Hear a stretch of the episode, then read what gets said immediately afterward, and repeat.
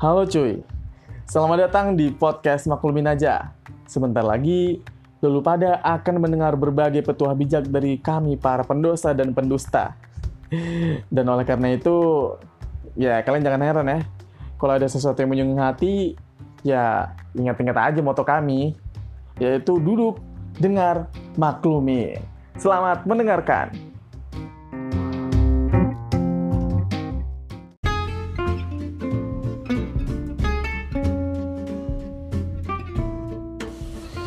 Halo, kembali lagi bersama gue Fikri di sini di kanal podcast Maklumin aja. Duduk, dengar, maklumin. Aduh, cuy, cuy. Gue gak habis pikir. Masih aja lu mau ngeplay podcast ini. apa lu gak bosen apa? Carilah podcast-podcast lain. Masa podcast ini terus yang di play? Ya nggak? Tapi ngomongin soal bosen ya. Lu bosen gak sih? Kalau misalkan terus menerus keadaannya seperti ini ya kan? Lu di rumah terus gitu kan? Lu uh, rutinitas lu itu itu aja ruang lingkup uh, pergerakan lu di situ-situ aja. Lu ketemu sama orang yang itu itu aja lagi gitu kan? Bosen gak sih? Dan bagi gue pribadi gue jujur bosen banget cuy. Parah. Parah. Walaupun sekarang udah ada yang namanya uh, new normal, new normal sama uh, perenggangan atau relaksasi daripada PSBB ya kalau nggak salah ya. Ya pokoknya begitulah. Akhirnya orang-orang udah pada mulai keluar nih. Tapi bagi gue pribadi tetap aja cuy. Gue ngerasa masih kayak yang apa ya? Uh, pola sosial ataupun rutinitas gue masih belum kembali kayak dulu gitu. Dan untuk mengisi kegabutan apa kegabutan gue, jadinya ya gue ngelakuin apa ya lebih lebih konsumtif gitu terhadap internet. Ya semua orang juga gitu sih ya. Mulai dari nonton Netflix nih drakor ya nggak? Uh, atau mungkin uh, baca-baca berita mungkin ya nggak? Uh, yang yang tadinya nggak apa ya skeptis gitu atau mungkin nggak terlalu peduli alah berita apaan sih ini? Sekarang jadi ada berita dikit jadi tahu gitu. Dan kalau gue pribadi nih untuk mengisi kekosongan hari-hari gue yang emang udah sebelumnya kosong kayak hati. Cela. gua itu sering banget dengerin yang namanya radio. Nah, nggak hanya radio, itu ada juga podcast dan sedikit sedikit-sedikit belajar lah mengenai tutorial untuk menjadi seorang VO talent. Karena gue pribadi pengen uh, karir gue ke arah-arah sana. Nah, ngomongin dengerin radio nih coy. Ini menjadi sesuatu hal yang menarik sih sebenarnya. Karena apa ya? Radio itu adalah sesuatu hal yang unik. Kenapa gue bilang seperti itu? Karena kalau kita bandingin dari platform-platform ataupun media-media lainnya, radio adalah salah satu media, bukan salah satu, kayaknya satu-satunya, sepertinya ya, sepertinya satu-satunya media yang bertahan dari zaman ketemunya nih, dari zaman ditemukannya radio oleh uh, Guglielmo Marconi, kalau nggak salah ya, di tahun 1890 berapa gitu. Sampai sekarang itu orang-orang masih demen. Yang namanya denger radio gitu kan kalau lagi macet. Atau nggak mungkin kalau lagi masak di rumah gitu atau mungkin lagi gabut atau mungkin pas lagi mau tidur. Pokoknya banyak deh kegiatan-kegiatan yang bisa diselingi untuk kita bisa mendengarkan radio gitu kan. Dan kenapa gitu dari dulu? Padahal udah banyak banget ya dari zaman ke zaman ya. Pasti lu pada tahu lah banyak banget bermunculan yang namanya platform baru ataupun media-media baru dengan konsep-konsep terbaru. Ya enggak? Tapi sampai sekarang radio masih tetap ada-ada aja, tetap eksis aja gitu. Dan untuk uh, menjawab segala keraguan gue, keraguan, untuk menjawab segala pertanyaan gue ini, ya, karena gue penasaran banget nih kenapa gitu akhirnya gue ngerangkum nih, gue nyari-nyari nih, dan gue mengutip dari IDN Times ya, menemukan bahwa yang menjelaskan beberapa alasan mengapa radio itu masih menjadi media favorit ya, ya atau yang sering banget masih eksis untuk didengarkan oleh masyarakat luas.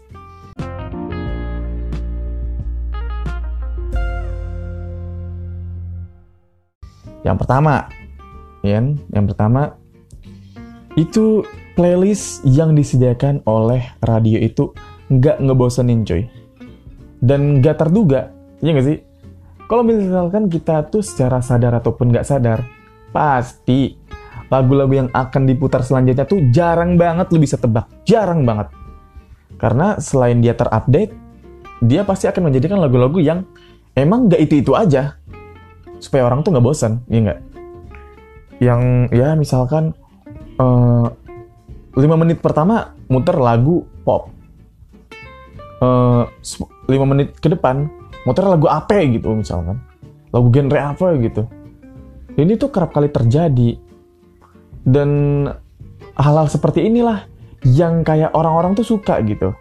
Yang kalau istilahnya tuh elemen of surprise ya. Nih, koreksi kalau gue salah nih. ya pokoknya seperti itulah. Ya.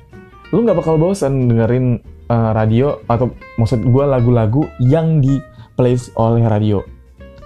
Nah, selanjutnya, alasan mengapa radio itu menjadi media favorit untuk didengar oleh masyarakat, yaitu karakter dari para penyiar yang bisa ngebangkitin mood kita. Ini benar banget sih. Gue pribadi, gue tuh ngedengerin radio itu dari dari zaman gue SD. Dari zaman gue sih, walaupun sempat putus ya, sempat putus gitu beberapa tahun, tapi sekarang gue dengerin lagi gitu. Dan gue tuh kunci gue ngedengerin radio adalah gue selalu nyari penyiarnya nih. Ini penyiarnya enak gak nih gitu kan? Kalau misalkan penyiarnya enak, nah baru tuh gue dengerin tuh radio. Ya kalau misalkan gak enak mah, ya gue langsung nge-slide ke radio sebelah. langsung pindah gue.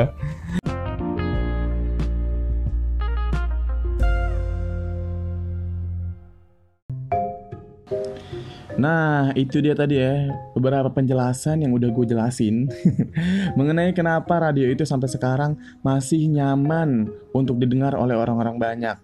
Dan ngobrolin soal nyaman nih, kayaknya lu pada juga udah nggak nyaman sih denger gue bacot dari tadi ya. Ini denger gue ngobrol, mau ngebacot mulu nggak jelas.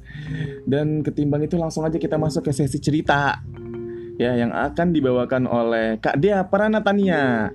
Jadi Kak Dia Pranatania ini buat lu pada yang belum tahu, uh, dia ini adalah seorang yang wah pokoknya gokil banget deh di dunia beginian, buru suara. Dia ini adalah seorang broadcaster di Hard Rock FM, terus juga seorang VO talent dan seorang podcaster juga kayak gua. Nah, nama podcastnya itu Podcast Boomsek. Nah, buat lu pada yang penasaran langsung aja deh mampir ke podcast itu. Ketimbang di podcast ini. Dan uh, selain itu dia udah lama banget cuy. Soalnya malang melintang di dunia dunia beginian. Bayangin aja dia tuh udah dari 2003 udah jadi penyiar lu bayangin. Dan sampai sekarang masih bertahan. Jadi kayaknya ceritanya tentang dia dalam meniti karir itu harus banget sih lu denger dan langsung aja nih dia kita dengerin cerita dari Kak dia Pranatanya.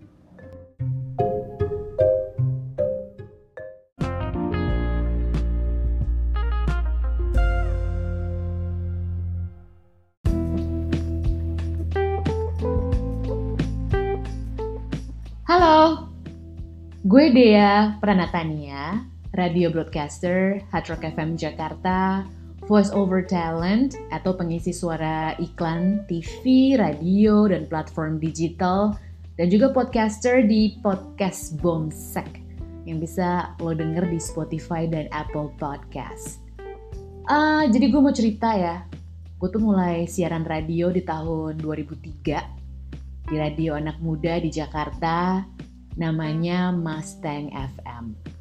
Waktu itu gue masih kuliah di Fakultas Hukum Atmajaya Jakarta. Saat gue di Mustang siaran, gue juga produserin program radio namanya Mustang Ghetto. Isinya tuh soal musik-musik hip hop, R&B, dan juga bawa bawain uh, chart top 40. Nah, gue di Mustang tuh lama banget. Udah kayak KPR rumah ya. 10 tahun aja gue di sana.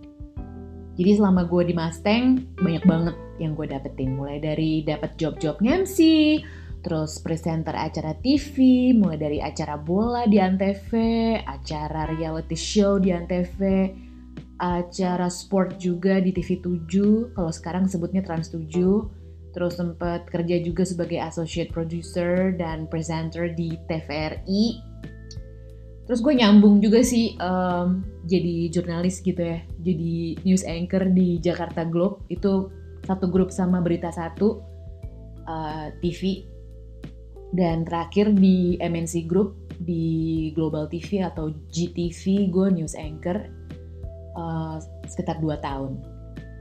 Nah,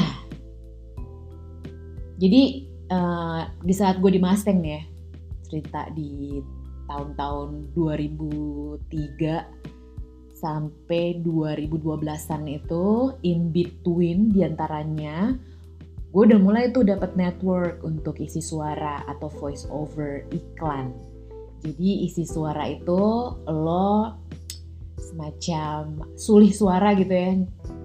Jadi uh, announcer atau mungkin jadi karakter di berbagai iklan yang ditaruh di TV, radio. Kalau dulu sih digital nggak ada ya, paling kalau jalan ke mall gitu ada suara gue misalnya ditaruh di event-eventnya satu brand itu bisa. Tapi pada saat itu awal-awal ikutan dunia voice over nggak ada tuh yang namanya platform digital ya kan nggak kayak sekarang ada di YouTube macem-macem nah terus uh, setelah berjalan lah ya 10 tahun gue di Mustang FM uh, eh, tahun 2013 gue memutuskan untuk nyoba masuk ke radio impian banyak penyiar di Jakarta yaitu bisa siaran di Hard Rock FM. Yang bisa dibilang nih ya, Hard Rock FM tuh dedengkotnya ilmu radio, lifestyle, and entertainment gitu ya. Apalagi benchmark pergaulan Jakarta kerap kali dikaitkan dengan Hard Rock FM pada masa itu. Jadilah gue bersusah payah mulai dari nol lagi untuk bisa siaran di Hard Rock gitu. Sebenarnya awal-awal gue sempet kayak kepedean gitu ya lah gue udah 10 tahun ini gitu kan punya pengalaman siaran terus juga uh, gue presenter juga di beberapa TV lumayan udah banyak uh, job gitu ternyata pas masuk ke lantai 8 Sarinah Tamrin uh sedap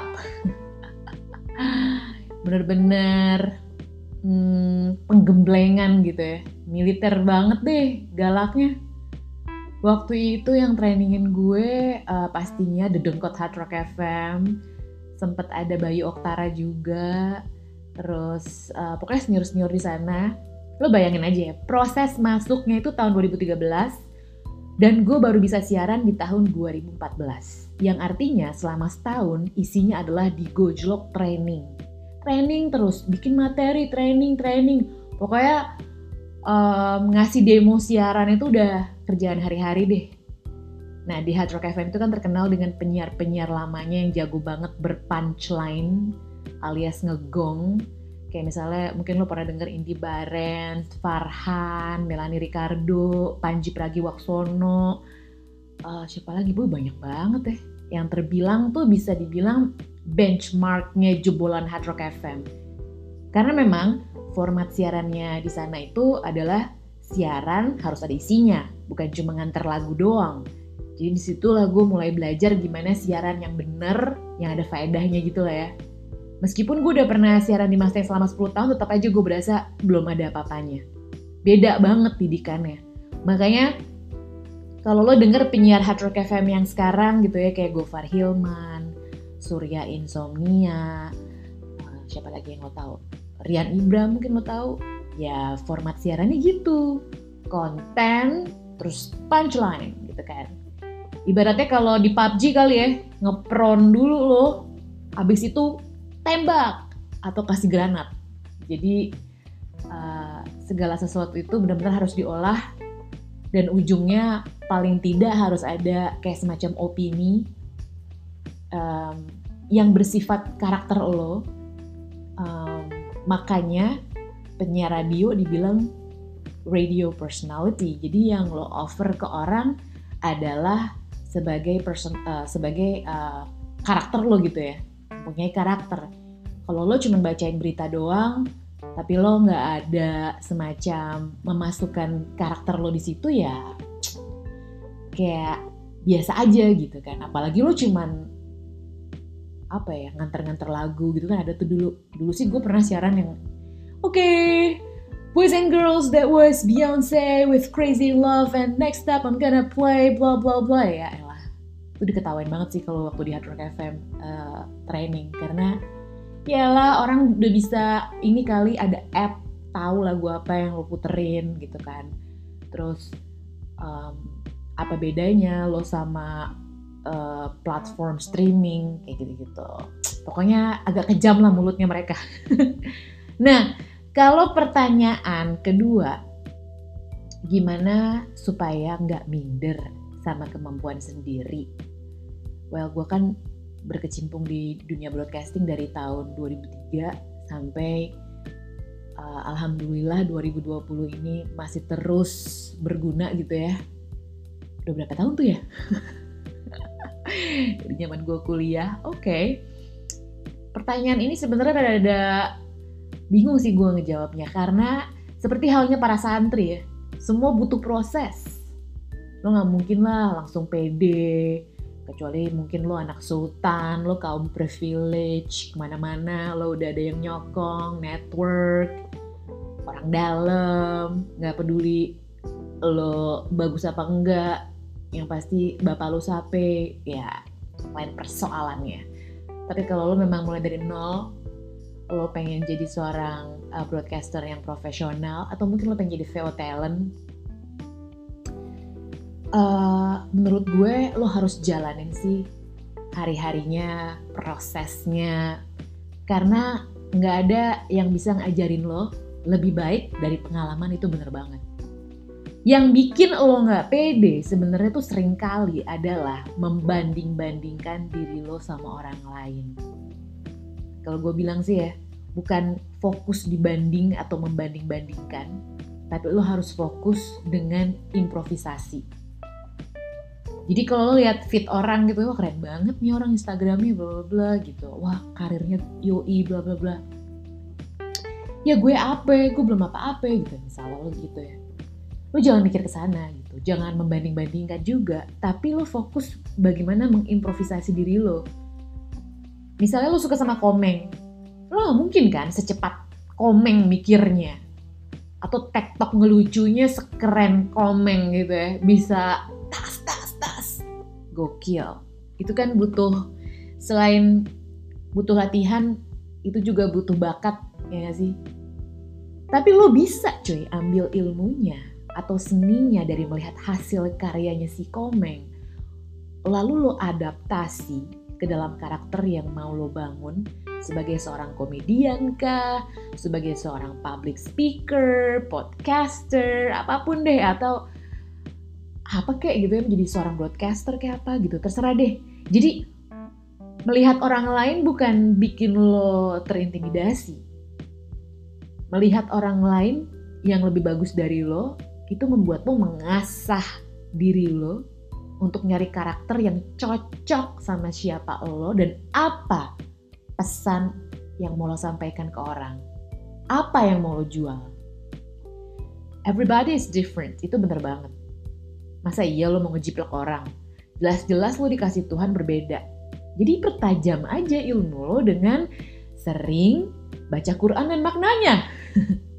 Canda sering baca, sering pantau situasi sosial. Pokoknya jangan males baca ya cuy. Walaupun sekarang apa-apa udah lewat Twitter kah, apa-apa lewat platform digital yang segalanya serba cepet. Pokoknya lo harus sering baca deh. Apa pun lo lahap lah. Dengerin karya orang juga boleh, tapi jadikan itu inspirasi untuk memperkaya ide-ide lo atau karakter lo. Nah, yang terakhir, jangan lupa untuk terus humble dan profesional. Itu yang gue pelajari banget karena gue memulainya dari zaman gue kuliah, which is kuliahnya itu baru awal-awal masuk gitu ya. Gue udah mulai siaran di, di Mustang sampai akhirnya gue udah kerja bla bla gitu kan. Maksudnya udah usia profesional gitu.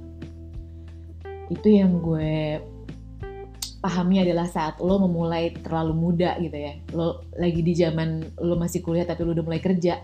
Di situ kadang lo suka mengentengkan hal atau menganggap remeh hal. let's say, wah gue dapat kerjaan ini, gue dapat kerjaan itu. Lo dengan keabegean lo, dengan keanak mudaan lo gitu ya, dengan kelabilan lo, suka lo campur adukan deh tuh. Misalnya gue sering banget dulu tuh nge-MC mood gue kurang bagus, terus apa ya um, rada-rada ngaruh tuh di performa gue saat nge-MC gitu misalnya. Itu yang akhirnya berusaha gue rubah dan um, masih terus gue berusaha perbaiki. Jadi jangan pernah lo bawa mood jelek lo ke kerjaan. Kalau kasus gue jangan bawa itu ke mikrofon. Kalau lo berkarakter dan profesional. Orang boleh lupa sama bentuk lo tapi akan selalu inget sama rasa lo. Gue Dia Pranatania. Have a hard working day